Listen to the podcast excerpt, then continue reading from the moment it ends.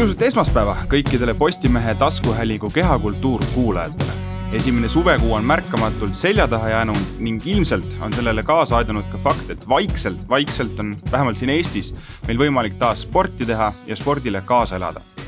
Eesti meeste võrkpallikoondis on praeguseks juba nädal aega viibinud laagris, kus siis õpitakse vaikselt tundma uue peatreeneri Cedric Enardi või umbes niimoodi see nimi peaks häälduma uue prantslasest peatreeneri käekirja ja jooniseid, aga seda tehakse ilma kolme senise põhimehe Rene Teppani, Hindrek Pulga ja Ardo Kreegita. kui kahe esimese puhul on märksõnaks vigastus, siis Kreegi puhul on asjaolud teised. millised, seda ja palju-palju muud me üritamegi täna siin mikrofonide taga teada saada ja Postimehe poolt on siis stuudios Karl Juhkami ja Jarmo Jagomägi ja tere ka minu poolt, mina olen Jarmo ja nagu me sissejuhatuses juba mainisime, siis eh, Teppan ja Pulk ei tõmmanud eh, sinisärki selga vigastuse tõttu, aga Ardo, sina ilmselt ei ole ka traumast päris prii, nagu on kuulda olnud, kuid suuremad põhjused on vist, vist natuke mujal, et et räägi nendest tagamaadest natuke. kõigepealt tere ka minu poolt ja tegelikult tõesti see suvi palusin, palusin koondisest vabaks, et et lihtsalt olla kodus ja täitsa lihtsalt võtta aega endale, kuna,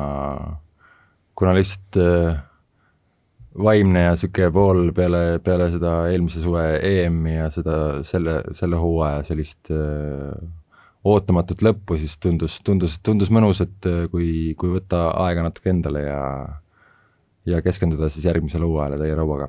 et eh, oled selline, ütleme, et pikka aega Prantsusmaal olnud, eh, nüüd vahetad seal eh, mängupaika, linna, kolid sealt ühest otsast päris teise,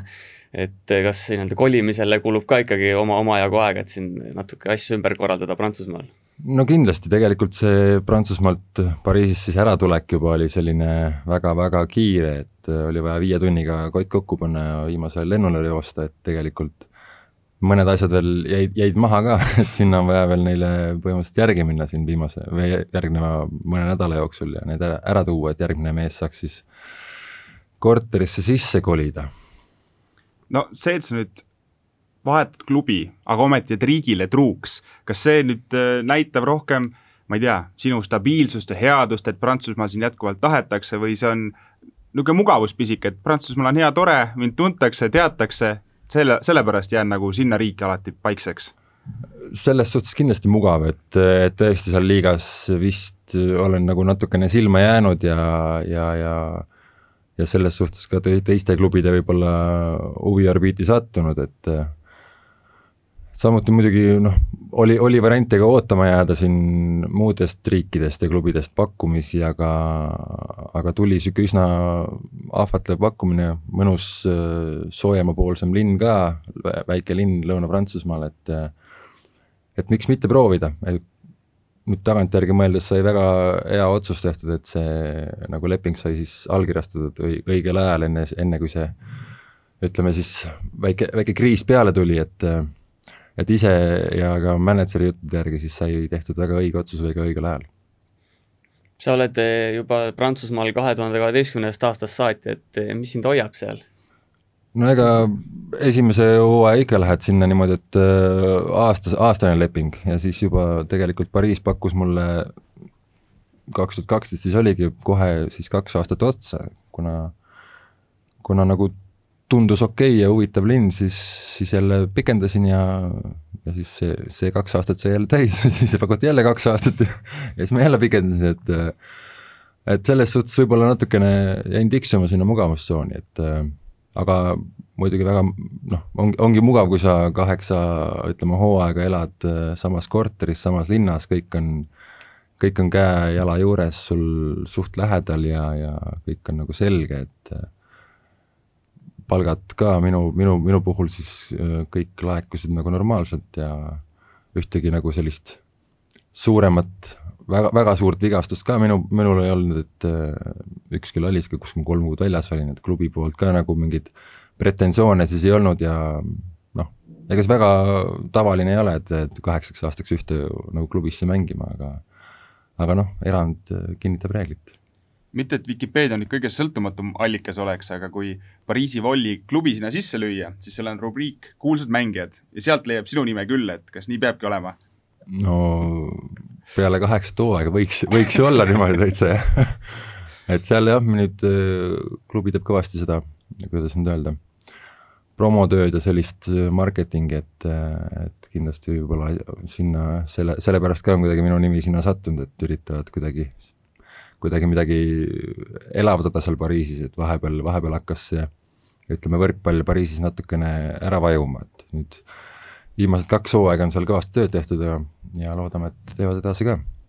no kui sa sellest äramajumisest mainid, siis et äh, ilmselt pead silmas seda esiliigasse kukutamist, mis siin kaks tuhat kaheksateist suvel oli? jah, see oli, see oli niisugune ütleme, eba, natuke ebameeldiv kogemus muidugi, et, et hooaja lõpus äh, isegi saime tegelikult euro, Euroliiga koha, et see uudis tuli kohe, et jah, et seda me ei mängi, et rahalistel põhjustel, aga siis mõne kuu pärast juba tuli uudis, et kuku, kukume alla, et ähm, noh, siis oli valikuvariant, kas, kas, kas jään või, või lähen kuskile, aga kuna juba vist oli augustikuu, siis tempomehena väga, väga raske kuskile edasi minna, seal kaks niisugust väikse riskiga kohta oli, kus oleks saanud võib-olla proovima minna, aga aga nüüd tagantjärgi oli, oli, oli jälle hea otsus, et ei läinud, et üks oli Poola klubi, mis peale paari kuud juba pani oma pillid kotti ja teine variant oli minna Türki niimoodi, et nagu treenima ja, ja pärast siis kehku peale, kas, kas pakutakse lepingut või mitte, aga ma otsustasin nagu siiski natukene siis palgas järgi anda ja, ja jääda sinna Pariisi, et noh, hooaeg iseenesest oli niisugune mõnes mõttes lihtsamapoolsem, et, et võidud tulid ja, ja saime ain-, ainsa eesmärgiga liiga, see Pro B siis võita, sellega saime hakkama ilusti, tõusime kohe üles tagasi, et oleks, oleks siis see äh, eesmärk saavutamata jätnud, siis oleks põhimõtteliselt Pariisi võrkpalliga vist olnud äh, lood väga kehvasti, et siis jutud käisid, et siis oleks klubi vist kinni pandud. aga kas äh, siis enne seda esiliiga hooaega ei olnud võimalust, et Pariisi klubi ära kaob pildilt, et, et ma ei tea, raha ei ole enam, lihtsalt paneme uksed, uksed kinni? ei, seda kindlasti ei olnud, et äh, päris ära kaob, lihtsalt see kuidagi publiku huvi ja selline, et linn on alati olnud üks peamisi siis finantsallikaid Pariisil vähemalt ja enamus klubides, ma arvan, Prantsusmaal on niimoodi, et linn, linn annab päris suure osa sellest. meie Klub, Eestis unistame sellest. klubi eelarve, jah, kahjuks, kahjuks Eestis on natuke teistmoodi, aga noh, Pariisi linnal seal natuke on kindlasti raha rohkem kui Tallinna linnal või mõnel muul Eesti linnal, et seal jalgpalli kõrvalt, kui, kui mõned sajad tuhanded eurod tulevad võrkpalli, siis võrkpallis on suur, aga võib-olla mõne muu spordi jaoks see seal riigis tundub nagu peenraha nagu mainid, siis kaheksa hooaega Pariisi Vollis, et eh, kas ja kui palju üldse selliseid reaalselt konkureerivaid pakkumisi oli nende hooaegade jooksul ja jääd sa midagi kahetsema ka sealt võib-olla? Äh, kuna Prantsusmaa on selline nagu riik, et kui, kui sa seal mängid ja sulle pakutakse mingit lepingut, siis seda tehakse hästi varakult, et äh, nagu ma ütlesin, vist esimene kaks tuhat kaksteist, siis mulle pakuti juba oktoober-november nagu. pärast esimest kuud enam-vähem? põhimõtteliselt jah, peale ühte-kahte kuud pakuti mulle juba kaks aastat pikendust ja üldiselt niimoodi järgnevad läbirääkimised on toimunud juba niimoodi jaanuar-veebruar, et, et märtsis, märtsis on olnud juba enamasti allkirjad all, et sealt, sealt võib-olla ka selline sinna paikseks jäämine, et ei ole jäänud äh, ootama pikalt, kas, kas, kus, mis veel tuleb, et äh, kuna, kuna on ka, on olnud väiksemad lapsed, ennem oli väike, nüüd on juba suur ja nüüd on uuesti üks väike kasvamas, siis siis kindlasti on ka see üks äh, niisugune kuidas nüüd öelda, motivaator või põhjus, miks, miks natukene minna, minna kindla peale, et, et ikkagi, kui sa mingi lepingu lükkad tagasi ja jääd ootama, kas tuleb mingi parem pakkumine või, või kuhu,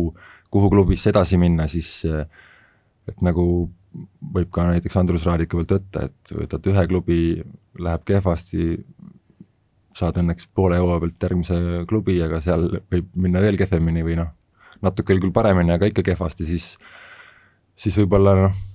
võrreldes mingite selliste kogemustega teiste poolt, siis äh, selline kindlus on olnud äh, võib-olla jah, üks minu niisugune märksõna, et oleks, oleks nagu rahulik, rahulik olla ja ei oleks niisugust, ütleme, mingit sellist finantsstressi või, või, või, või mingi klubiga kemplemist või mingit sellist jama, et seal siiamaani kõik asjad laabusid ja ja sellepärast nagu enamasti sai ka selline otsus tehtud. kui sa siin mainid seda, et äh, lepingud sõlmitakse jaanuaris, veebruaris, märtsiks on enamasti asjad kindlad, siis tegelikult see ei kehti võrkpalli puhul ainult selles mõttes, et jääda samasse kohta paikseks, vaid ka teistelt klubidelt meelitatakse mängijaid juba võrdlemisi varakult ära. kõrvaltvaatajale tundub see omamoodi muidugi huvitav, et sul siin play-off'id on algamas, aga tegelikult nädal aega tagasi sõlmisid näiteks lepingu sellesama klubiga, kellega nüüd hakkad mängima, et selline üleliikumised on ammu-ammu paika pandud, aga tegelikult sul tuleb veel kaks kuud teha tõsist nägu ja vot nüüd ma olen veel Pariisi mees, olgugi et lähed setega vastamisi näiteks play-off'is. jaa, seda, ma arvan, et see on ka Itaalias tegelikult samamoodi, kui ma kuskilt kuulsin, et Grebenikov näiteks juba isegi üks hooaeg, üks, tervelt üks hooaeg varem sõlmisid, kui hooaeg oli algamas, siis tal juba ütleme siis järgmiseks hooajaks oli,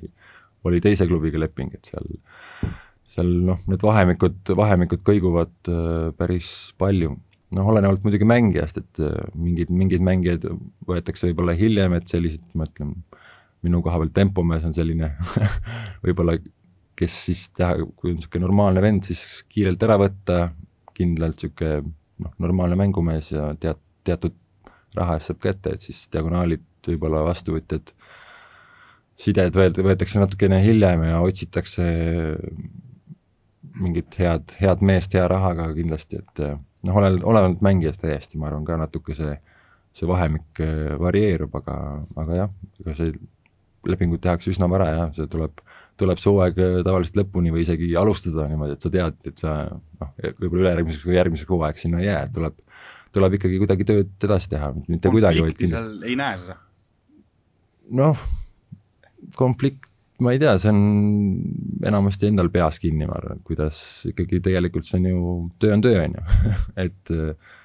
sul on teatud kuupäevani leping, selle, selle kuupäevani siis sa pead ju tegelikult seda, ütleme, seda särki esindama, et sa ei saa nüüd mõelda, ah, järgmine hooaeg, ma ei tea, kas saan, saan rohkem raha või lähen mingisse paremasse klubisse või et siiski sult oodatakse ju, et äh, lõpetad selle hooaega korralikult ära ja, ja kindlasti ka tulevikuks, kui sa, kui näha on, et sa nagu hooaja lõpus enam kaks kuud ei suuda mängida ja juba oled järgmises hooajas kinni, siis noh, järgmises hooajaks sul võib leping olla, aga ülejärgmine hooaeg sul võib raskeks minna jälle. maine jääb külge. maine jääb kindlasti külge, et võrkpalliringkond tegelikult on väike ja ja need jutud ikkagi liiguvad, et kes, kes kuidas ja mis, mis määral suudab tööd teha niimoodi. Pariis ja ilmselt kogu Prantsusmaa hingab eelkõige spordi vaates jalgpallirütmis, et eh, mis kohal on seal Pariisis ja Prantsusmaal võrkpall, et eh, Pariisis vist väga suurt korvpalliklubi vähemalt ei ole, aga jalgpalliklubi on seal igatahes võimas. jalgpalliklubi on väga võimas jah, võrkpall on selline ei ole ka ülemäära populaarne muidugi, võiks olla, rahvaarvult võiks olla kogu aeg saal täis ja, ja võiks olla ka seda, ma arvan, et finantsi poolt kõvasti rohkem, aga aga nad teevad tööd seal, nii palju, kui ma nüüd viimased, noh, viimane kaks hooaega tuli üks uus tegelane sinna, kes oli viinud ühe käsipalliklubi üsna kõrgele tippu seal, et et kõvasti tööd tehakse ja see on niisugune enne, enne seda olümpiat kõva projekt, et Pariisis võrkpall kaardile tuua kõvasti, et et see ei ole, see ei ole kindlasti selline töö, mille sa teed ära mingi ühe, ühe hooaega, seal kindlasti võtab aega see kaks-kolm, võib-olla isegi neli hooaega, et see, et see väga kõrgele tasemele viia, et kunagi ju Pariisi klubi oli, mängisime Champions League'i, nad on ka võitnud Champions League'i, et kindlasti mingi selline visioon on, et jälle mõne aasta pärast teha üli, ülitugev klubi ja konkureerida ka võib-olla seal Final Fouris Champions League'is, et et või jalgpalliga ja ma arvan, et käsipall võib-olla on isegi teisel kohal seal. et nendega võrkpall kindlasti ei konkureeri kahjuks. Kui suur see saal teil seal oli ja palju seal, ma ei tea, ütleme, ma ei tea, reamängul vaatamas käis seda publikut? saal äkki kuskil kaks tuhat neli-viissada niimoodi, et tavaline klubi või niisugune liigamäng, siis ma arvan, et kaheksasada kuni tuhat äkki oli niisugune üsna üsna tavaline viimane hooaeg, nagu ma ütlesin ennem, et vahepeal hakkas ära vajuma ja see oligi pigem selline publiku huvi, et et mingi aeg hakkas see saal jah, tühjaks jääma, aga üllatavalt eelmine hooaeg, kus me isegi mängisime Pro B-s, ka siis ikkagi käis niisugune keskmiselt, ma arvan ka kuus kuni kaheksasada inimest ikkagi iga, iga mäng peaaegu vaatamas ja ja see nagu hooaja vältel isegi tõusis natukene, et kandus ka edasi nüüd siia hooaega, et selle, selle nimel nagu seda tööd tehti jah, et õnneks, õnneks saal päris tühjaks ei jäänud no see on ikkagi päris nukker, et nagu pealtvaatajate numbrid on võrreldavad Saaremaaga, aga Pariisis on mingi kaks pluss miljonit inimest. Jah, et see on, see on tõesti huvitav, aga, aga tõesti Prantsusmaa on väga kõvaski jalgpalli, jalgpalliriik, ma arvan, et seal on kõik, kõik hingavad seda jalgpalli tõesti väga kõvasti ja ja ma ei tea, ma ei, ma ei tea jah, kuidas seda võrkpalli nagu inimesed sinna saali tuua, et, et piletihinda ka, ma ei tea, Prantsusmaal ma ei tea, viisteist euri mäng, et noh, ma arvan, et kohaliku inimese jaoks see väga, väga võib-olla suur summa ei ole, aga aga samas noh, jalgpallipiletid, seal on saja, saja euro, euro ringi mäng, aga seal on, seal on kuuskümmend, kahekümne, seitsekümmend tuhat inimest seal parematel mängudel, et et noh, ei tea, ei tea, kuidas see saal täis seal saada iga kord. no nüüd saab klubi uue promo näha, et äkki siis läheb paremaks natukene. aga kui seda rääkida, et sa ikkagi Pariisi esindusnägu oled olnud paaril viimasel aastal, kas, okei okay,, sa mainisid, et äratulek oli nii kiire, et endal olid asjad ka maha, kas klubi kuidagi tänas sind ka, tõmmatakse nüüd Kreegi särk sa-, lae alla või midagi seda, seda ei teagi jah, mis, kas, kas tänatakse või, või kas tõmmatakse see särk, et tõesti, see minek oli meil väga kiire, kuna seesama noh, nüüd öelda seesama nädalavahetus, mis meil pidi olema karikafinaal tegelikult, et äh, et jah, pidime minema tegelikult mängima Toulouse'i ja kolmapäeval pidime ära sõitma, kolmapäeval me ära sõitnud ja põhimõtteliselt esmaspäeval hoopis sõitsin Eestisse, et äh, et see olukord muutus jah, nii, nii kiiresti seal, et ei olnud, noh, reedel läksime ka tegelikult hommikul trenni, öeldi, et jah, teie, kes tahavad, need, minge jõusaali. et millal, millal jätkame, seda ei teadnud mitte keegi ja ja see tõesti, see minek oli jah, mängijatele enam ütlesid, davai, esmaspäeval näeme, aga tegelikult kõik esmaspäeval, kes, kes vähegi said, need nemad äh, juba sõitsid koju, et et isegi, isegi mängijatega ega treeneritega ei olnud mingit sellist ühist mingit äh, söömingut või, või, või mis iganes kokku, kokkusaamist, et kas või head aega öelda või tänada, tänada kedagi hea, hea hooaja eest, natukene Whatsappi grupis äh, suheldi niimoodi, et aga, aga tõesti see ära, äratulek tuli nii kiire, et võib-olla, võib-olla midagi toimub veel tagantjärgi, aga noh, ma arvan, et tore on, aga kui, kui, kui midagi sellist nüüd ei juhtu, et särki kuskile seina peale ei panda, siis elu kindlasti seisma ei jää. nii et päris täpselt veel ei teagi, kas läksite sõpradena lahku või väikse vihaga ma, nii palju kui ma tean, siis eh, eks ikka jutud liiguvad ju seal Prantsusmaal ka päris kiiresti, nii et kõik, kõik seal teadsid ka, et ma lähen, lähen ära ja olen juba sõlminud uue lepingu, et eh, kindlasti, kindlasti mingit, mingit viha, viha sealtpoolt ei tulnud, et, et kindlasti ma, mina, mina olen tänulik neile selle kaheksa hooaja eest ja ma loodan, et äh, ikkagi nad jäävad mind ka hea, hea sõnaga mäletama seda, selle aja eest. palju üldse Pariisis sul seda ette tuli, et ma ei tea, kohvikusse minnes või poodi minnes keegi su ära tundis? no üsna vähe ikka, selles suhtes. kõige, kõige, kõige pullim lugu oligi vist see, kui ma läksin nüüd, ütleme nüüd selle hooaja alguses, kaks tuhat üheksateist hooaja alguses tulin sealt metroost välja oma pagasiga ja mingi vend jalutab vastu, oi kuule no tere, Hardo teeme pilti ka, siis ma olin küll veidi üllatunud, et täitsa, täitsa suvaliselt niimoodi tänava peal keegi tuleb küsima jah, pigem, pigem juhtub see mingite jalgpallurite, käsipallurite või korvpalluritega seal, et see oli niisugune üsna, üsna esmakordne juht, juhus jah, kui tõesti tänava peal keegi tuli ja, ja, ja, ja ütles midagi nimepidi ja soovis pilti teha. no kui Eestis keegi tuleb juurde, selfit tahab, kas seda tuleb ette ka üsna harva, et äh, ma ei ole, ma ei usu, et ma kellelegi vist olen veel ära öelnud, et kui tõesti jah, väga suur soov on, siis ma arvan, et ikka saab teha. Siin on vist rohkem see, et ära tuntakse rohkem, aga ei julgeta väga tulla, et võib-olla jah, et Eesti, Eesti inimene on natuke tagasihoidlikum, et et tuntakse, natuke vist tuntakse ikka, aga keegi, keegi niimoodi väga pildistama ei kuku, jah. kui me Pariisis veel paikneme oma juttudega, siis äh, kui sulle anda valida kolme atraktsiooni vahel, Louvre, Disneyland ja Eiffeli torn, siis mida sa neist külastaksid oh,? ma olen seal järjekordi näinud, et ma ei teagi, mul on niisugune väga, selles suhtes väga püsimatu inimene, et mul nagu täiesti võin öelda, et ma vihkan järjekordades seismist. et ma arvan, et niisuguse ilusa ilmaga Eiffeli torni järjekorras sa seisad tund-kaks kindlasti Disneylandis ma olen ka käinud kaks korda vist. et seal ka ilusa ilmaga atraktsioonide järjekorras pead seisma sihuke nelikümmend viis minutit kuni poolteist tundi. ja ma kujutan ette, et Luuris ka kindlasti see järjekorrad on ka sissesaamiseks päris pikad, et et ma ei teagi, millist, millist järjekorda nüüd eelistada. et, et vaate poolest kindlasti on Eiffeli torn väga lahe, noh, niisuguse kultuurielamuse poolest kindlasti Louvre, aga kui on lihtsalt niisugune vaba aeg ja võib-olla ka väiksemad kaasas, siis kindlasti valiks Disneylandi, et iga, igal asjal omad plussid-miinused. Sa oled nii kaua Prantsusmaal olnud, et oled sa kõik need põhikohad nii Pariisis kui ka mujal Prantsusmaal jõudnud läbi käia või, või sa väga ei viitsi nii-öelda ringi traveldada? no nagu ma ütlesin, et Eiffeli tornis ja seal Triumfikaare otsas ja Disneylandis ja mõnes Triumfikaare otsas? jah, sinna saab ka üles okay, seal on plat-, seal on platvorm mõtlesin, et läks väikse aabi kombel. ei, niimoodi ikka päris, jah, seest läheb täitsa trepp, et seal tundub, kui all oled, siis tundub väga väike see Triumfikaar, aga kui sinna sisse kuskile keertrepi peale saad, siis ikka pulsi saab, saab see üheksakümne peale küll ühe hooga üles minna. aga ei, selles suhtes ma olen mingite muuseumite ja niisuguste asjade väga kehva külastaja, nagu ma ütlesin, et mulle ei meeldi need järjekorrad mulle ja ja igal pool, kus sa tahad, siis see, need on ikkagi niisugused turisti ütleme, magnetid, kõik need suuremad kohad ja seal on jõhkralt inimesi tegelikult, et äh, mõned kohad olen ära käinud, aga kindlasti, kindlasti oleks saanud äh, palju rohkem avastada seal. Prantsusmaal vist seda nii-öelda online kultuuri ka väga ei ole, et ostan pileti internetist ette ära ja kõnnin sisse nagu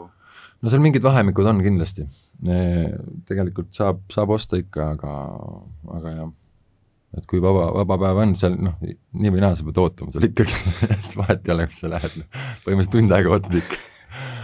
Et kui sul on niimoodi, no hooaja sees, et kaks vaba päeva on, on väga harv juhus, et kui sul see üks vaba päev on ja siis paned seal, ma ei tea, linna vahel veel mingi, ma ei tea, jala sihuke viis-kümme kilomeetrit ja oled seal jalgade peal, siis esmaspäeval jälle trenni minna, sihuke noh, on, on raske, ma arvan, või no mitte raske, aga see ei, ei puhka välja, et et pigem, pigem siis kodus vedeleda ja, ja, ja pargis väike jalutustiir teha, et pigem, pigem võib-olla niimoodi kui need järjekorrad nüüd välja arvata, kuidas sulle üldiselt see Prantsusmaa kultuur sobib, et ma ei tea, näiteks söögist rääkides, et siis seal lõunamaas on ikka see saiade ja sõjakeste nii-öelda hullus, et kuidas sul selle söögi poolega seal oli, oli ja on? sai on seal tõesti väga hea, et ei saa salata. Õnneks, õnneks sai kehakaalule ei mõju, et ma võisin seda või noh, mitte et ma seda väga, väga nüüd igapäevaselt sõin, aga kui kui ikka isu tuli, siis maja tagant pagarärist ma tõin, tõin omale selle saia ära. aga söögi pool minu meelest äh, täitsa normaalne, et äh, poest, poest leiad äh, üsna hea valiku ja, ja saab teha ka sellist natuke eestipärasemat toitu, et kuigi, kuigi, kuigi mingid, mingid äh, toiduained on, on niisugune defitsiit, aga, aga mulle see toit küll maitses, jah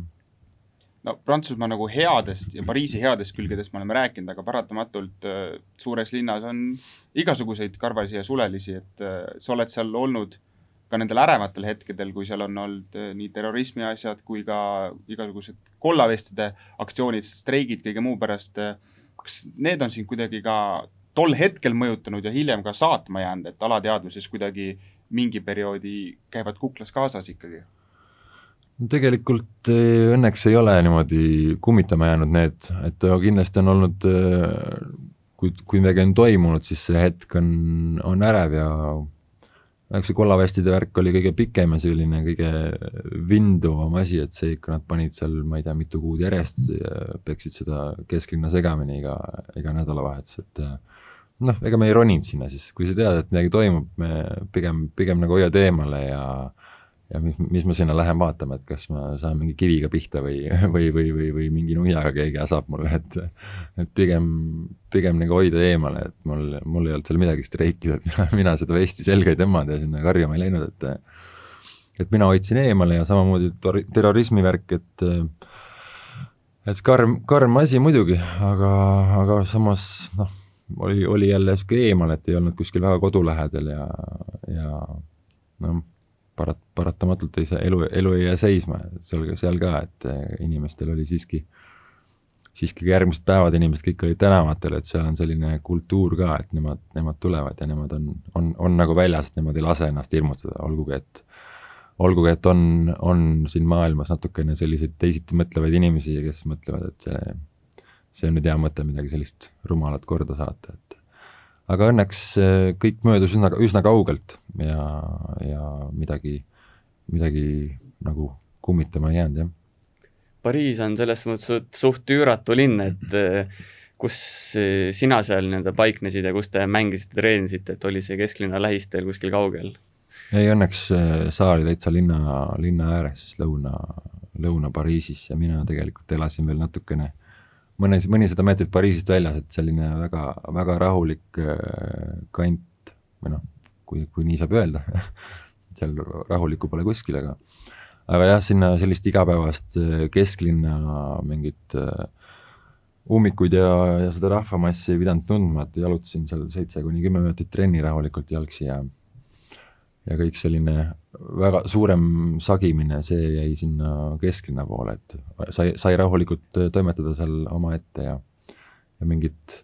ummikutes passimist õnneks ei olnud, jah auto sul ikkagi oli ja kohalikku nii-öelda seda põksimis, parkimiskultuuri said harrastada või, või mitte? nojah, auto mingid aastad ma käisin oma autoga, ma mäletan väga selgelt, kui ma ostsin suht värske, värske auto omale ja läksin sellega siis sügisel, sügisel Pariisi. Mõtlesin, et lähen siis sööma kuskile restorani, tulen välja, vaatan hoopis ilusti pamper ära kriibitud kõik, vaatan ees on mingi ka sihuke noh, ma ei kujuta ette, ma ei saa isegi aru, kuidas vahutakse seal viis sentimeetrit tema ees ja viis sentimeetrit tema taga ja mul pamper sodiks enam-vähem no ootasin siis seal mingi pool tundi, nelikümmend tundi, nelikümmend minutit, et ootan siis ära selle venna, küsin, mis värk on, et kas tahab, tahab äkki mu pamperi värvimise kinni maksta, aga noh, ega ta ütles ka seal, no kutsu see politsei, kui tahad, mul jumala suva.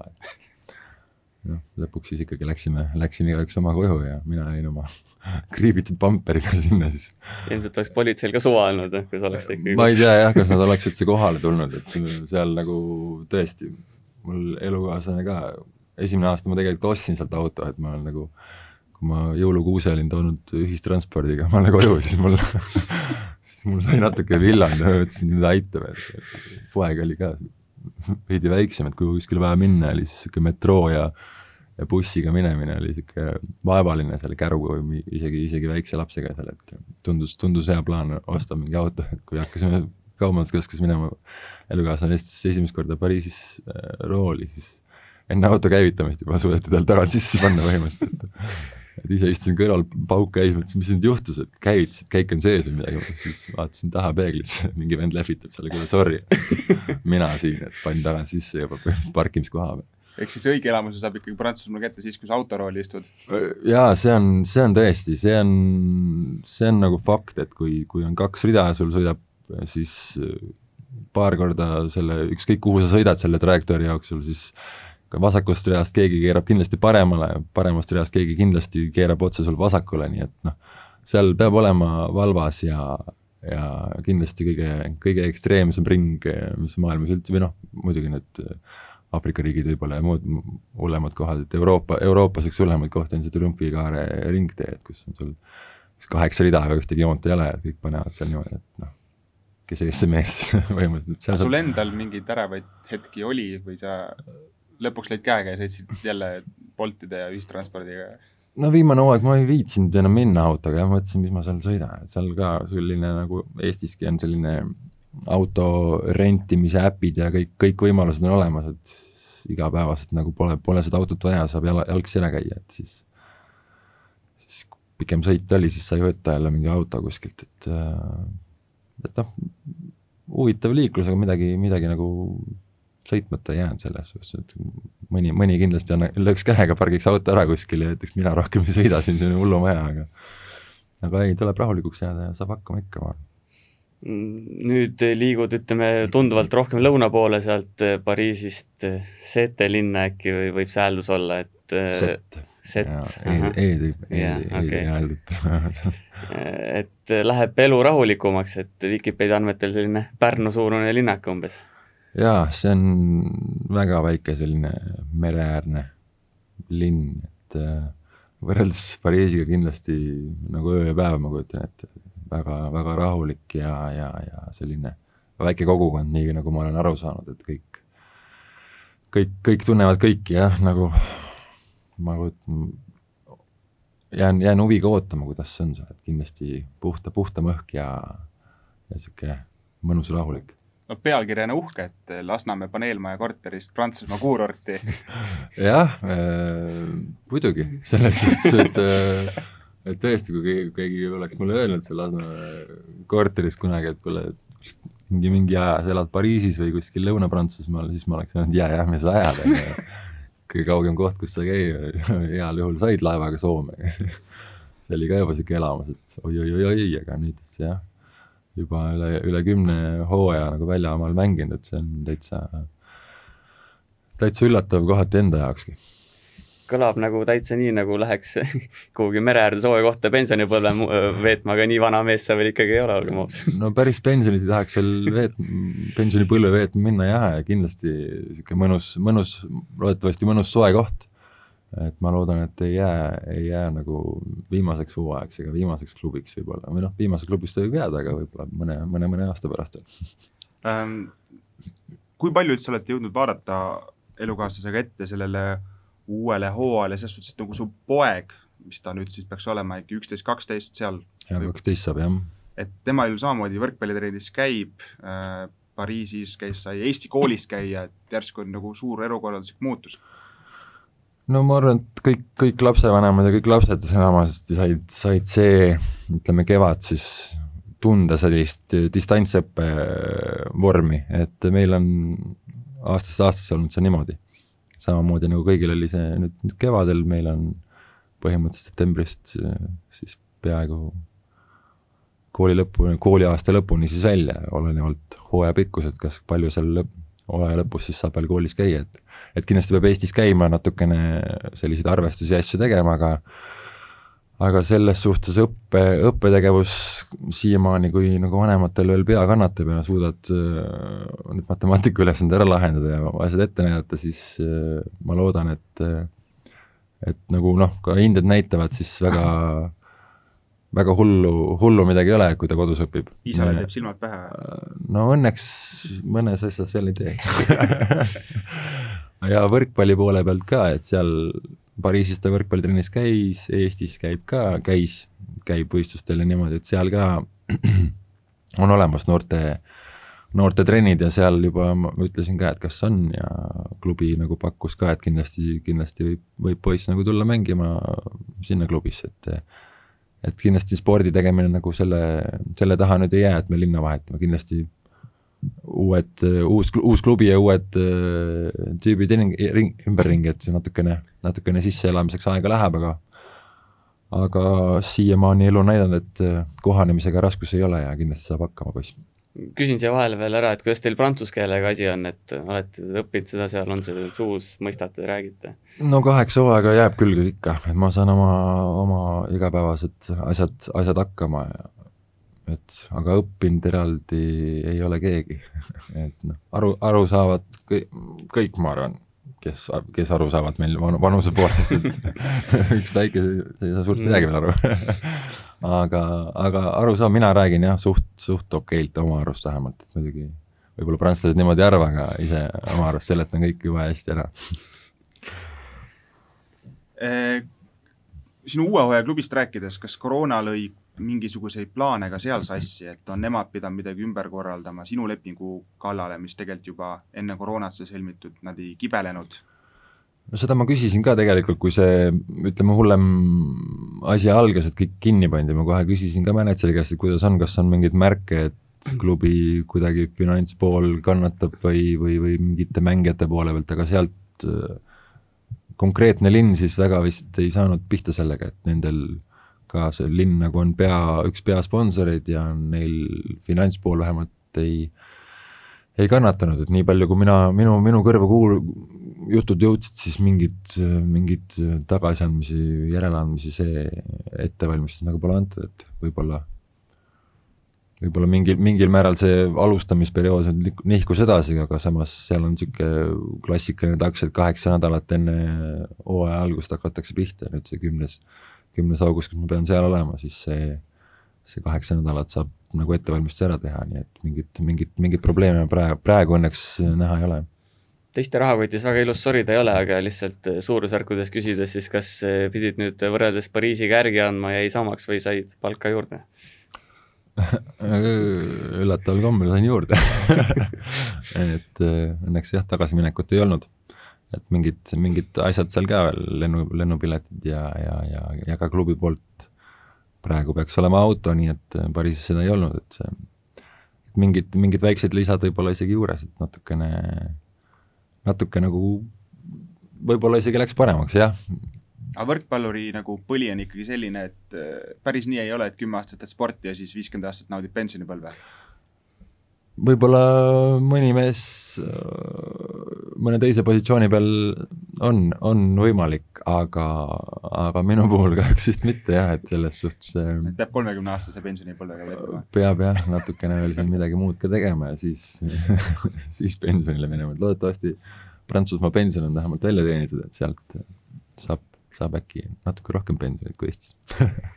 kui palju sa praegu sellest eh, seti klubist tead, ma ei tea, võrreldes nüüd Pariisiga, mis see tasemevahe on, kui see on üldse, palju sa nii-öelda tausta tead? no Prantsusmaal on ka, et need mängijad eh, päris palju liiguvad iga hooaeg. Eh, ambitsioonid on kõvad klubil, tahavad kindlasti top neljas olla. nimede poolest klubi kehva ei ole kuidas, kuidas hooaeg jooksma hakkab, seda ei tea keegi ette, kuidas inimesed omavahel sobivad, on, on ka Brasiiliast tulnud, tulemas mängijaid muudest riikidest, et et oma sellise karjääri jooksul näed, on, on näha, et osad mängijad ei sobi omavahel või on, on, on konfliktseid mängijaid, kes nagu ei suuda või, või aga loodetavasti kõik, kõik hakkab laabuma ja, ja, ja ma tõesti väga loodan, et kind-, sinna top, top nelja nagu purjetame välja, et kunagi, kui me Pariisiga võitsime siis selle Prantsusmaa meistritiitli, siis just seti vastu me finaalis mängisime, et võib-olla oleks vägev äh, nüüd äh, võib-olla teistpidi finaal, et on seal mõni tuttav mees ees sul ka juba või, või on pigem uued näod? mängijaid Prantsusmaal, no siin, no mängijaid ikka tead, kes mm. sinna kokku on tulnud mõned, et äh, osade mängijate vastu sealsamas klubis mänginud äh, Baranek näiteks, kellega ma olen Pariisis ka koos mänginud, tuleb sinna, et äh, et mõni, mõni tuttav nagu ikka ees ootab juba, jah. no klubijutud vaikselt räägitud, lähme koondise juurde, aga enne veel ähm,, viimased kaksteist kuud on olnud Eesti võrkpallikoondises päris kõva beebibuum, et meil siin Rauno Tamme on saanud äh, isaks, Rait Rikberg, Andrus Raadi, Gert Toobal ja ka sina et äh, esimese ilmakodaniku puhul räägitakse alati, et see on suur elumuutus, et kas nüüd siis teise puhul oli ka niisugune kardinaalne hops tagasi selle juurde, mida sa kümme aastat tagasi mäletasid ja kogemusi omandasid? Äh, võib-olla selles mõttes, et kuidagi vanem, noh, mitte et ma nüüd väga-väga hullult vana oleks, aga, aga kui praegu olen kolm, kolm ja laps saab, noh, esimene laps saab juba üksteist, siis kahekümne kahe aastaselt võib-olla mingite asjade pärast nii väga ei muretse, et noh, mõtledki, et noh, kuidas ei saa hakkama, ikka saad hakkama ju, mis asja. et äh, nüüd võib-olla mingeid, mingeid asju mõtled lihtsalt rohkem läbi natukene, aga et mingit kardinaalset elumuutust nüüd no ikka, ikka, ikka ta muudab ju selles suhtes, et äh, ööd on võib-olla veidi lühemad ja, ja kõik oma käigud tuleb veidi teistmoodi planeerida, et ei saa ju noh, suurema lapse saad juba koju jätta üksinda mõneks, mõnekski tunniks, et aga noh, üheksa kuust ei ei saa kuskile jätta, et kõik, alati tuleb oma käigud natukene läbi, läbi rohkem planeerida võib-olla jah, ja, ja ajastada, et et need uneajad ja asjad kõik, et aga inimene harjub, selles suhtes ei ole midagi jäänud tegemata praegu selle, selle aja jooksul vähemalt. no praegu sa võtsid endal nii-öelda juhtme seinast välja võrkpalli mõttes, kas siin mängib kuidagi ka rolli see, et sa oled sisuliselt pannud kogu Eesti võrkpallikoondisega ja klubikarjääri mõttes noh, ma ei tea, mis see äkki juba kaksteist, kolmteist aastat niisugune orav rattas kogu aeg, et klubi hooaeg lõpeb, koondis algab, et noh, ma mõtlen enda puhulgi, et kui minul on kohustuslik kakskümmend kaheksa päeva, on ju, puhkust aastas, siis mina ütlen ausalt, sellest jääb väheks, on ju, aga tegelikult teie puhul, kes te peate kogu aeg oma keha veel piitsutama. ma arvan, et äh, jah, kakskümmend kaheksa aastas, mõni, mõni hooaeg võib-olla tundub, et ei olegi seda kahtekümmet kaheksat päeva. aga kindlasti jah, selles suhtes, et äh, mitte et ta võib-olla kehale kõige parem on, et sihuke complete stop teha vahepeal on ju, et kõik seisma, et noh, ma päris, päris nagu jalad seina peal ainult ka ei ole, et olen, olen siin leidnud äh, erinevaid äh, füüsilisi tegevusi siin huvitavate moto, motohobide näol või mida iganes, et natukene ikka hoiab, hoiab vormi, aga, aga tõesti minu arust esimene, esimene suvi, noh, meestekoondisega oli siis, kui ma seitseteist olin. Ja, ja minu mäletamist mööda üks, üks suvi on olnud selline, kus oli kolm kuud vaba, et ei olnud koondisel nagu mitte midagi põhimõtteliselt. et siis tuleb jah, sihuke viisteist aastat põhimõtteliselt nagu. On, on olnud ka kevadeid, kus, kus on treener andnud natukene lisa, lisaaega peale hooaega puhata, aga sellist jah, et, et nii pikka nagu vaba aega pole, pole ikka juba aastaid olnud mingil määral ma kujutan ette, et ikkagi see koondise tulek samas annab sellist teistmoodi energiat, et ikkagi omad poisid ja need, need vanu tuttavaid, aga ilmselt kui iga aasta käid, siis tekib niisugune väike rutiin võib-olla. ei kindlasti, see on äh, väga, väga niisugune värskendav kindlasti, kui, kui tuled klubist ära ja saad koondisega ikkagi noh, esiteks sa oled omas, omas, omas riigis enamasti ja ikkagi niisugune suur, suur punt äh, koondislasi on olnud ju pikalt, pikalt koos ja, ja selle aja jooksul on tekkinud ju niisugused paremad, paremad, paremad sõbrad, keda jah, pole ju näinud siis juba, ma ei tea, kaheksa-üheksa kuud pole näinud, siis on nagu sellist jutustamist ja, ja, ja sihukest möla, möla kõvasti seal vabal ajal ka, et noh, trenn on trenni aeg ja siis on, on ka mõnus äh, kuskil kohvitassi ääres äh, mingit jutte rääkida, et, et kindlasti see on nagu mõnes mõttes värskendav, see koondise, koondise tulek, et äh, noh, natuke ikka, kui poisid seal koondise grupis näen ka, et seal mingi jutustamine käib ja sihuke, et natuke võib-olla on, on niimoodi, et ah, võib-olla ikka oleks lahe, aga, aga samas äh, hommikul magad ja ärkad ja vaikselt teed oma kodus kohvi ja on ka, on, on, on ka ikka väga mõnus. ütleme siin eelmine ja üle-eelmine aasta on koondises möödunud natuke niisugune vigastuse tähe all, et äh, Tähel endal on see probleem olnud, äh, Teppanil on olnud, kui ma nüüd nagu sinu peale mõtlen, mul ei meenu ühtegi sellist pikemat vigastust, pausi üldse Mm. võib-olla jäi nüüd midagi kahe silma vahele Pari,. Aga... Pariisi klubis mul oli jah, mingi puusa, puusajama oli kuidagi, mingi põrutus või mingi asi, kus ma olin kolm kuud enam-vähem väljas, aga koondise noh, üks mingi suvi oli, kus ma seal libisesin kuskil igiloiguses, et siis või... ma olin ka natukene aega väljas. alguses arsti, arsti ettekirjutuste järgi muidugi oleks seal pidanud olema mingi poolteist kuud, aga ma vist äkki olin kahe-kolme nädala pärast trennis tagasi, et samas kui sa ütled, et sa alustasid seda nii-öelda karavani seitsmeteistaastaselt, siis ja, jube, jube vähe jõudsime loetleda. noh, on olnud ikka mingi nad väiksed seljahädasid ja ma tean, kael on kange olnud ja noh, see on siuke, aga pigem, pigem siuksed jah, ma arvan, et nädal, nädal maksimum, kus on mitte, et mitte, et midagi teha ei saaks, aga tuleb lihtsalt natukene rohkem võib-olla füsiode juures käia ja natukene mingit putitamist saada, et et õnneks tõesti tui-tui-tui on ju, ei ole, ei ole, ei ole pikk ja väga siukseid väga-väga hulli vigastusi olnud, kindlasti see, see nagu annab sellele võib-olla klubi, klubi karjäärile ka siis sihukest moti-, motivatsiooni juurde, et kui iga, iga aasta sul on sihuke mingi väike jama küljes, oled väljas jälle ja sihuke hullult stressad iga asja pärast, et see kindlasti, kindlasti rusu, et ma õnneks, õnneks need on natukene mul kaarega mööda läinud ja, ja kindlasti see on sihuke positiivne. Passist vaatab vastu kolmkümmend kolm, et ma ei tea, kas läheb aastate jooksul raskemaks ka see, ma ei tea, keha nii-öelda vormis hoidmine, taastumine, ma ei tea, siin Kristjan Kangur kolmkümmend seitse peab tulema tund aega enne teisi alati saali ja igasuguseid harjutusi tegema, et kuidagi, kuidagi liikuma saada, et kas sa tunned ka, et kuidagi vanusega läheb see nii-öelda raskemaks keha liikuma saamine? no eks, eks vist natuke tuleb ikka rohkem mingitele soojendustele ja sellistele asjadele tõesti rohkem, rohkem rõhku panna, et ei saa, kui tõesti seitse-kaheksa aastat tagasi suva, et lähed äh, külmalt saali ja paned seal võrgu peal, hakkad juba taguma. Nüüd, nüüd nagu, nüüd nagu ikka päris niimoodi peale ei lenda, natukene ikka peab, peab ennem soojaks tegema, et äh, et kindlasti, kindlasti see number, number mingit, mingit rolli mängib ja, ja noh, eks igaüks teab, et mida on natuke vanus juurde, siis ikka võib-olla natuke jõuad vähem või natuke kulub äh, puhkamiseks rohkem aega, see on, see on, ma arvan, et normaalne elukäik. et päris Igor Žoroljovi soojendust, et ma lähen panen nüüd võrkpalliga veerand tundi pealt see sulle ei töötaks enam? noh, see ei ole kõige hullem võib-olla isegi, seda võiks, seda võib isegi teha. kui, aga viimasel ajal pole korve kuskil saalis, et ei, ei saa proovida Äh, ühe nii-öelda võla peame ka kuulajate ees ära, ära klaarima, et kui meie siin tutvustame siin kogu aeg Ardo Kreek ja Ardo Kreek, siis ega koondises sind niimoodi ei kutsuta?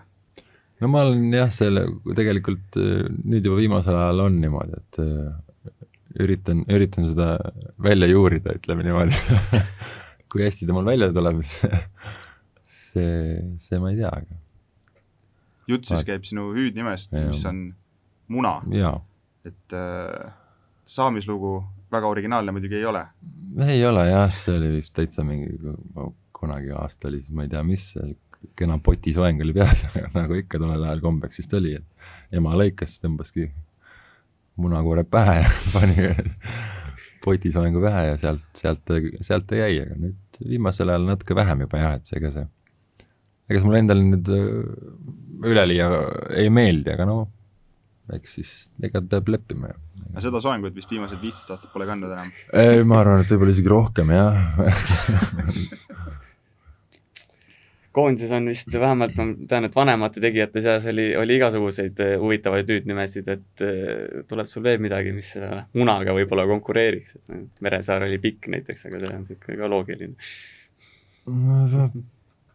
ma ei tea, no Rosenblatt oli roosa, noh, see on ka niisugune üsna no, noh, tavaline tegelikult, kui võtta nime järgi, on ju, et no võib-olla huvitavam, ma ei tea, kas tohib öelda siin niimoodi, aga, aga Henry Treiali hüüdnimi on siis Suss et selle saamislugu ma ei tea, võib-olla ta ise räägib sellest võib-olla kunagi, kunagi kuskil, aga, aga võib-olla see on üks huvitavamaid, mis praegu kohe peale, pähe tuleb. no Mehhike sähvatab ka Mehhike noh, loen mehike selles et see on ka niisugune üsna, üsna tavaline, et kui on sul kõik kahemeetrised ümberringi ja üks meeter kuuekümnene või kuuskümmend viis, ma ei teagi, kui pikk ta on, siis ongi väike mehike seal keskel. no jah, okei okay,, hüüdnimi on olnud sul siis ütleme muna, aga koondises ega ta kuskile kadunud ei ole, olgem ausad jah, selles suhtes. aga no koondises oled sa ikkagi üks kaugemaid pallureid pesamunast olemisele, et, et seitsmeteistaastaselt alustasid nii-öelda koondise karvavännis seiklemist ja sa oled ka üks väheseid, kes tegelikult oli ju ma ei tea, kas nüüd sul viiendas game'is olid platsil, aga too kurikuulus Eesti-Poola valikmäng kaks tuhat kaheksa, sa ikkagi tegusid tegid, et, et äh,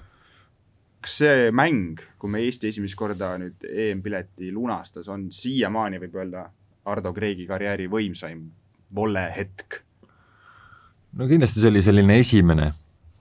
kõige suurem hetk, ega see too hetk, kui see mäng läbi sai, ega too hetk ei, ei adunud üldse seda välja tegelikult, mis, mis, mis nüüd juhtus? Ja ma kuskil just oli see artikkel, et mingi aeg on sellest möödas ja kuskil vist oli isegi punktid välja toodud, mul oli seal isegi üle kümne punkti. Ja nüüd ainuke, ainuke asi, mis ma mäletan, et oligi, tõstsin Meresaarele mingi jube kehva palli peaaegu sooja, sooja, sooja puutega, et ega rohkem sellest mängust nagu niimoodi ei mäleta väga siukseid eredamaid hetki, et oleks seal mingeid palle jubedalt maha löönud või jubedalt plokki pannud või midagi sellist, et äh, et kindlasti see oli esimene sihuke kõige, kõige jah, noh, rahvusvaheline sihuke suur hetk, et äh, noh, Pariisiga võitsime CEF Cupi ka, et see on, see on ka selline, ma arvan, et üks, üks teine sihuke kõrg, kõrg, kõrgem, kõrgem hetk. et nad kindlasti konkureerivad omavahel natukene, siukse parima, parima mängu või võidu, võidutiitlile.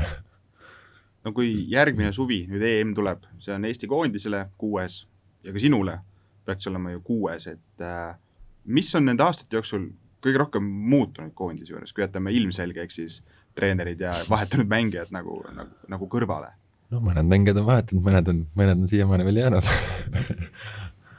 aga no eks ikka võrkpall muutub ajas, ajas ka natukene selline, et, et võib-olla jah, see mängu, mängupilt, mängu, mängu kiirus võib-olla noh, kogu aeg oled selles sees, siis võib-olla ei, ei näegi seda muutust nüüd nii väga. ei, ei tunneta, et oi-oi, see kolm aastat tagasi oli nüüd hoopis teistmoodi see võrkpall või mingi treener, noh kindlasti iga treeneri käekiri juba on erinev, et et nüüd midagi välja tuua, mis, mis või kes on nii palju muutunud läbi aja, ega seda ma, ma ei oskagi nüüd välja tuua kahjuks mm, mullu lõppes siis Eesti koondises Georgi Gretu ajastu, et eh, kuidas sina kõige üldisemalt tema käe all veedetud aastaid meenutama jääd, et oli see, ma ei tea, võrreldes Aavo keelega siis totaalne niisugune võrkpallikultuuri muutus või? no kindlasti tõi uut, uut tuult kindlasti tõi koondisse ja, ja tema enda selline ambitsioon, et kindlasti kõrvalt või noh, kes seal kompotis sees on natuke köögi poole peal, kindlasti ei olnud ta lemmikinimene, ta kogu aeg, kogu aeg oli tal midagi puudu või midagi oli vaja kuskile minna või mingeid aegu muuta või või mis iganes, tal kogu aeg oli vaja midagi muuta. Et ta ei olnud kindlasti selline lemmikinimene, aga ma arvan, et ta andis Eesti võrkpallile väga palju juurde, et et just tema oma, oma nõudmiste ja selliste asjadega ta, ta kindlasti upitas seda võrkpalli ülespoole, oma, omalt poolt vähemalt, et ilma, ilma ütleme, föderatsiooni inimesteta oleks tal see muidugi teha võimatu, aga aga ma arvan, et ta jättis kindlasti positiivse jälje Eesti võrkpallile mõned ütlevad, skeptikud, et tegelikult otsest arengut ei olnud, et EM-idel, tiitlivõistlustel ei teenitud paremaid kohti kui keelega, et eh, nendega sa pigem, pigem ei nõustu või? noh, ega, igaüks leiab, leiab ju oma, oma vaatevinklist mingi, mingi asja, mida ta usub, aga aga no mina ikkagi leian, et, et ta andis, andis juurde ja olgugi, et see, ma ei tea, koht, koht ei muutunud, siis ikkagi võrk, võrkpall muutub ja, ja sama, sama kohta ütleme nüüd viis või iga kahe aasta tagant hoida või isegi on, on üsna raske, et, et me oleme, me oleme vähemalt siin EM-il saanud iga, peaaegu iga kord ja ja seal enam-vähem ka mänginud, muidugi kui jätta enam-vähem mänginud, kui nüüd jätta viimane viimane EM välja, siis siis jah, ma arvan, et äh, on ikkagi edasiminek, et ei ole, ei saa nüüd nagu võrrelda seda, mis nüüd on kümne aasta tagust EM-i, ütleme siis selle, selle eelmise sügisese EM-iga, siis Nendest äh, suvistest koondise värkidest enne natuke rääkisime, aga üks kuulus aasta oli kaks tuhat kuusteist, kui te kuskil Poola Kolka külas olite enam-vähem kuu aega järjest vist laagris, et eh, mõned võrkpallurid on seda meenutanud päris sellise raske ajana, et kuidas sul kuulus suvi meeles on, et väga lihtne ei olnud vist? noh, päris külad ei olnud jah, Ljubin, et äh, saal oli Robert Täht ei räägi sellest linnast üldse heas, heas värvis jah, ma arvan, noh, seal, ega seal ei olnud, ei olnud nagu midagi seal linnas jah, et saal oli vägev ja kaubanduskeskusega, ega seal muud nagu äh, muud nagu tõesti ei olnud. Äh, no raske, see oli tõesti raske, noh, selles suhtes, et kui sa oled äh, ühe toanaabriga kas äkki kuus või seitse nädalat isegi nagu hotellitoas, äh, noh, mina olin Vennoga, mõtle, kui sa võtad meil kuus paari tosse juba, meil on pool tuba neid tosse nagu põranda pinnast nagu tossudega kaetud, et kuidas see on nagu kogu aeg mingi pesu ja selline nagu ütleme, kodus oled jah, sa paned oma asjad kappi, aga hotellitoas sul ei ole mingit meeletut kappi ja asju, kus asju kuivatada ja no meil pesti seal pesu, aga ikkagi sa paned selle kuiva või noh, niisuguse pesu ja kõik niisugune no vahest tahad ikka võib-olla oma aega või sellist mingit hetke, hetke korra oma mõtteid mõelda, et kui sa oled nagu kakskümmend neli seitse kellegiga ühes toas ja noh, võid ju minna kuskile välja, aga sul on kakskümmend inimest laegris, seal väljas ka üksinda ei ole, jalutad poodi, keegi tuleb sulle vastu ikka, selles suhtes noh selles suhtes oligi võib-olla füüsiliselt, ma arvan, et ei olnudki, ei olnudki raske tegelikult, see on noh, trenn nagu trenn ikka, aga, aga vaimselt jah, kuidagi niimoodi järjest olla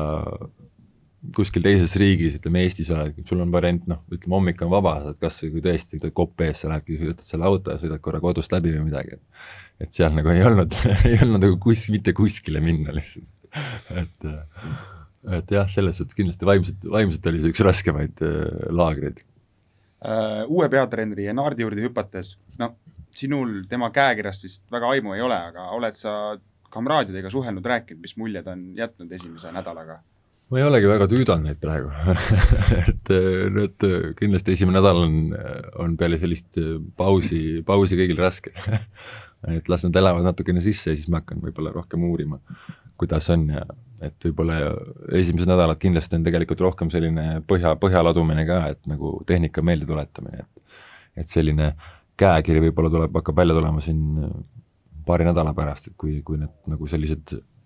taktikalisemad pallitrennid äkki hakkavad, ma ei usu, et nad väga, väga veel mingit hullu, hullu, hullu taktikat ehitavad, et kindlasti seal on selline põhitõdede meeldetuletamine ja, ja jõusaalis rassimine praegu. kas Prantsusmaal üldse on niisugune teistsugune võrkpallistiil või koolkond ka olemas, et noh, kui Gretu tuli, siis ikkagi meile toodi seda Itaalia lähenemist, mis noh, meil Maarjamaal enamik vaatasid ikka, et ohoh, nii saab ka. ja kas seal mingi hull teine käekiri on, midagi, mingit, mingit uut jalgratast kindlasti ei leiuta, et, et mingid, mingid nüansid kindlasti, kindlasti igal treeneril on, mida ta rohkem nõuab, millele ta rõhku pöörab niimoodi, et et eks see siis, eks see siis töö käigus näha on, mis, mis siis tema sellised äh, ideed ja visioonid on, et ma ei usu, et nad mingit midagi nüüd väga, väga, väga uut äh, välja mõtlevad, aga, aga kindlasti, kindlasti mingid nüansid võiksid olla. siit Denaardi esimene sõnum jäigi kõlama, et, et tahetakse servi parandada või siis nii-öelda serviga lõikama hakata, et ma ei tea, see kõlab küll hästi, aga kõlab ka umbes nii, et korvpallis ütled mängijale, et viska sisse, et see vist nii lihtsalt ei käi, et hakkame nüüd paremini servima. no eks meie koondisel vist on olnud läbi aegade tegelikult niimoodi, et kui, kui serv äh, toimib, siis, siis meil on, on nagu parem, paremini et, äh, et ei ole me keegi sellist kaks, kaks viisteist ja kõik, äh, kõik mingid mega, megavõimsad, et pigem, pigem on meil jah, et me peame ise serviga suruma ja, ja siis, ja siis sealt mängu hakkama ehitama, et äh, pidurdusi ja värki ja kontrarünnakut, et äh, et nüüd öelda, et jah, nüüd, nüüd me hakkame servima, see on, eks me oleme siiamaani ka servinud, et me, ma ei tea, ma ei tea, ma nüüd peale, peale viisteist aastat hakkan nüüd veel, veel paremini kuidagi või keegi teine, et hakkab nüüd veel paremini servima, et noh, kindlasti on vaja stabiilsus, stabiilsust leida kõvasti, sest et äh, nagu ka eelmine suvi, sügis vahepealne osa seal näitas, siis, siis sellist servi stabiilsust on meil, on meil väga vaja ja, ja, ja sealt on kindlasti ka siis nagu lihtsam, lihtsam mingeid tulemusi oodata. olulisi et samas plönni üle lööd, siis ei olegi praeguses võrkpallis mitte midagi teha no,. praeguses võrkpallis jah, et see, see nagu kiirus on noh, ikka väga, väga, tõstekiirused on väga, väga, väga kiireks aetud selles suhtes, et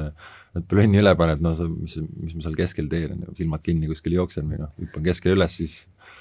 võib-olla kümnest üks-kaks joppab, on ju, aga, aga muidu on ikka väga raske, jah. no olulistest küsimustest rääkides, kellel on koondises kõige kõvem litakas käe sees? kõige kõvem, ma, ma arvan, et Robil on, ma arvan, hea, hea kiire käsi tal, et äh, kunagi, kunagi sai mõõdetud ka neid servikiirusi vist, aga ma ei mäleta, kes seal, kes seal kõige kõvema laksu pani? no võrkpallist oleme nüüd veidike rääkinud, äh, no tuleme võrkpallimaailmast välja, Linnuke Õlal on tegelikult maininud, et sa oled omamoodi niisugune autohull. no mul käivad jah, mulle meeldivad mingid asjad, mis omal, omal jõul edasi, edasi liiguvad, et äh, ei saa, ei saa öelda, et ma nüüd autohull oleks, sest mul mingi, mingi vahe jah, ma ostsin ühe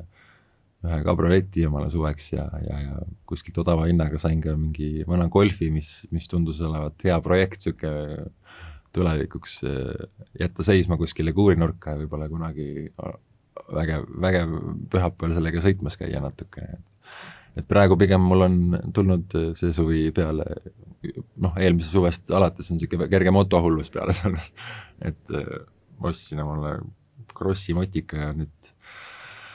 nüüd hakkasin veel mootorratta ube tegema, selline selline huvitav, see, see suvi, ütleme poolteist aastat on nüüd see natukene muutunud. Mu kaherattalise peale kui tõsiselt sa selle krossi sõiduga tegeled, ma ei tea, kus radadel sa käid või ju suuri hüppeid sa võtad või mis iganes, et äh, täpselt ei tea ka, kuidas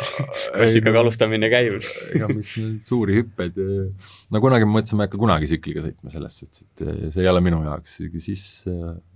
proovisin natukene ühe sõbra omaga ja siis mõtlesin, no mis seal ikka, ostan ära. mõtlesin, ma ei hakka kunagi hüppama ka aga nüüd noh, nüüd tulevad hüpped ka juba, mingid, mingid hullu, hulludel radadel käivad, mis mul seal maal küla, külas kaks väikest rada on, üks on metsas ja üks on põllu peal, et seal ma, seal ma vaikselt tõristamas käin ja mõned, mõned sõbrad veel, kes seal maal on, kellel need krossikad on, siis vahest on sellised krossi päevad selline pundiga, et päris, päris lahe ja samas on, on ikka väga, väga, väga füüsiline tegevus see, ütleme, krossi, krossi sõitmine, et ma arvan, et see on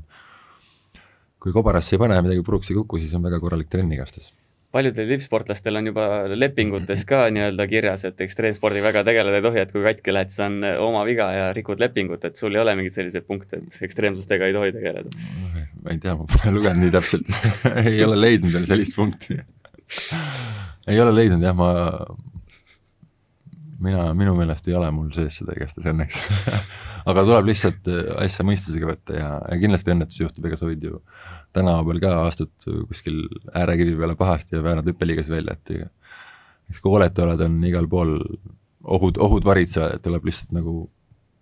normaalse tempoga teha asja ja siis mitte, et ma kukkunud ei oleks, aga õnneks siiamaani on kõik, kõik terve. kas see auto või motohollus laieneb sul kuidagi ka fännibaasi peale, et jälgid sa nüüd autorallit või MotoGP etappe, motokrossi või ikkagi no, tahaks auto, ise? autoralli selles Ott Otti, Otti ikka jälgin selles, mingid, mingid rallid on, kindlasti hoian, hoian tema tegemistel silma peal, aga moto, see on täitsa enda, enda jaoks ja enda, enda lõbuks täiesti, et ei, ei ole kuidagi hakanud nüüd vaatama mingit MotoGP-sid või midagi sellist, et see on, see on puhtalt enda, enda huvi, jah kui raske füüsiline tegevus see on, sa ütlesid, et natuke saab ikka vormis hoida, aga võtab see nagu läbi ka ja ma ei tea, kaua sa korraga müttad seal? no ma ei tea, kas kui kuulajad või teie olete proovinud kunagi sõit, sõita nagu krossiga raja peal, siis äh, ega seal ma arvan, et äh, noh, kui juba, kui juba väike tempo peal on, niisugune algajal ma arvan kümme-viisteist minutit, siis on nagu, siis on nagu kõik, et siis on nagu tõesti läbi et siis peab puhkama tulema ära. eks olenevalt äh, kindlasti füüsilisest äh, vormist ka, et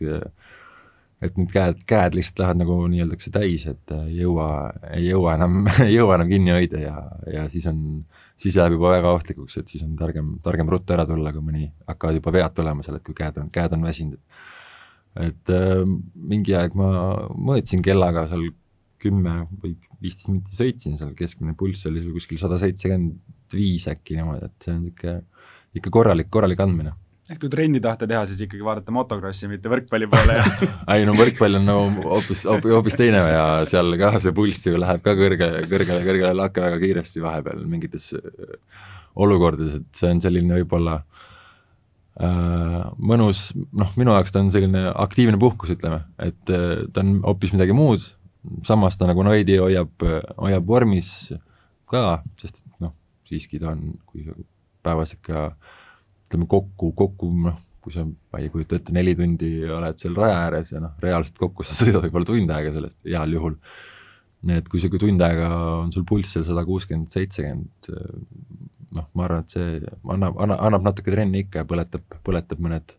mõned grillikalorid ära, mis siin suvega kindlasti on sisse söödud. no sa põgusalt mainisid, et Lõuna-Prantsusmaale sa karjääri veel nagu lõpetama ei lähe, oled sa endale pannud mingi tärmini ka, et et kaua sa mängid või lased igiliikur Gert Toobali kombel, et nii kaua, kui torust tuleb. Ei ole pannud jah, niimoodi mingit, mingit aja, ajalimiiti, et nüüd, kui ma kolmkümmend viis või kolmkümmend kuus või kolmkümmend seitse kukub, et siis, siis, siis on minu jaoks kõik ja siis ma lõpetan ära, et eks see, eks see keha, keha reguleerib, ma arvan, et kui niikaua, kui niikaua, kui nagu platsi peal jalgu ei jää ja, ja veel suudad midagi, midagi ära teha, siis siis niikaua ma tahaks ikka liigutada seda palli taguda seal, jah.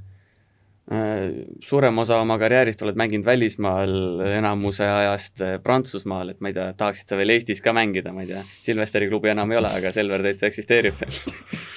No kunagi ei tea, ma ei hakka ütlema, et ilgelt tahan või ilgelt ei taha, selles suhtes eks see, eks aeg näitab, võib-olla noh, kunagi ei tea ja hooaeg algab, samas sul võib nädala aja pärast hooaeg läbi ka saada, et praegu on, praegu pigem üks hooaeg korraga, vaatame, kuidas, kuidas seal hooaeg lõpeb, et kuidas keha vastu peab ja ega, ega midagi, midagi hullu ei ole, et nüüd nüüd, et kas ma Eestisse tahan mängima tulla, no huvitav oleks võib-olla, aga, aga pigem, pigem jääks nii kauaks välismaale, kui saab. aga kuidas sa oma tulevikku üldse näed, et väga kaua oled olnud Prantsusmaal, et ma ei tea, äkki seal seti mere ääres on nii mõnus, et tahadki äkki jääda sinna Prantsusmaale elama või ikkagi tulevik oleks pigem Eestis? no mina, mina näen ikkagi tulevikku omal elukohana Eestis ei ole, noh, kõik küsivad ka, et oh, kas sa jääd sinna Prantsusmaale elama, et nagu mis, mis, mis ma seal teen kohvik et mis ma, jah, no jah hakkan Eesti, Eesti kööki pakkuma Prantsusmaal. must leib ja tume õlu või? mis asi see on, mis, mis jama seal on, anna mulle saia aga ei, mina ei ole küll mõelnud, et, et kuskile nüüd äh, Prantsusmaale jääda, mine tea, võib-olla seal lõunas hakkab nii meeldima, et äh, aga, aga siiamaani tõesti ei ole, ei ole, ei ole sellist ideed peast läbi käinud. Timo Tammem on öelnud, et tema tahab oma karjääri lõpetada diagonaalründajana. et sinul ei ole sellist mõtet peast läbi käinud, et sa aastate jooksul mõnes mängus ikkagi Pariisi klubi oled aidanud, kui siin mingid vigastustega hädasid on olnud, et Eestis äkki saaks kusagile nurka pommitama minna? no võib-olla tõesti, et isegi see hooaeg tegelikult meil põhidiagonaal suutis omal Achilleuse ära rebestada ja ja mingid mängud ma seal niimoodi mängisin, et eesliinis olin tempo ja tagaliinis olin diagonaal niimoodi, et servisin ära, tulin korra välja, siis läksin sisse-tagasi ja hakkasin sealt ühe pealt taguma siis. Et noh, selles suhtes, et vägev, aga, aga ütleme, kuu, kuu aja pärast oli õlg ka natuke haige et ei sellise, sellise tempo juures jah, ei, ei pidanud õlga hästi vastu, aga aga kindlasti oleks, oleks huvitav, aga ma, mina nüüd küll ei ütle niimoodi, et ma tahan omal karjääri lõpetada diagonaalina, et ma ma arvan, et kui ma olen seda jah, tempo, tempotööd teinud, ma ei tea, kujuta ette, palju seda kokku tuleb, mingi kaheksateist, üheksateist aastat või kakskümmend, kurat, juba tuleb kokku et nüüd jah, kolmekümne neljas öelda, et ma arvan, et hakkan diagonaaliks, siis nagu ma, mina, mina isiklikult leian, et selleks on natuke hilja, et võib-olla siis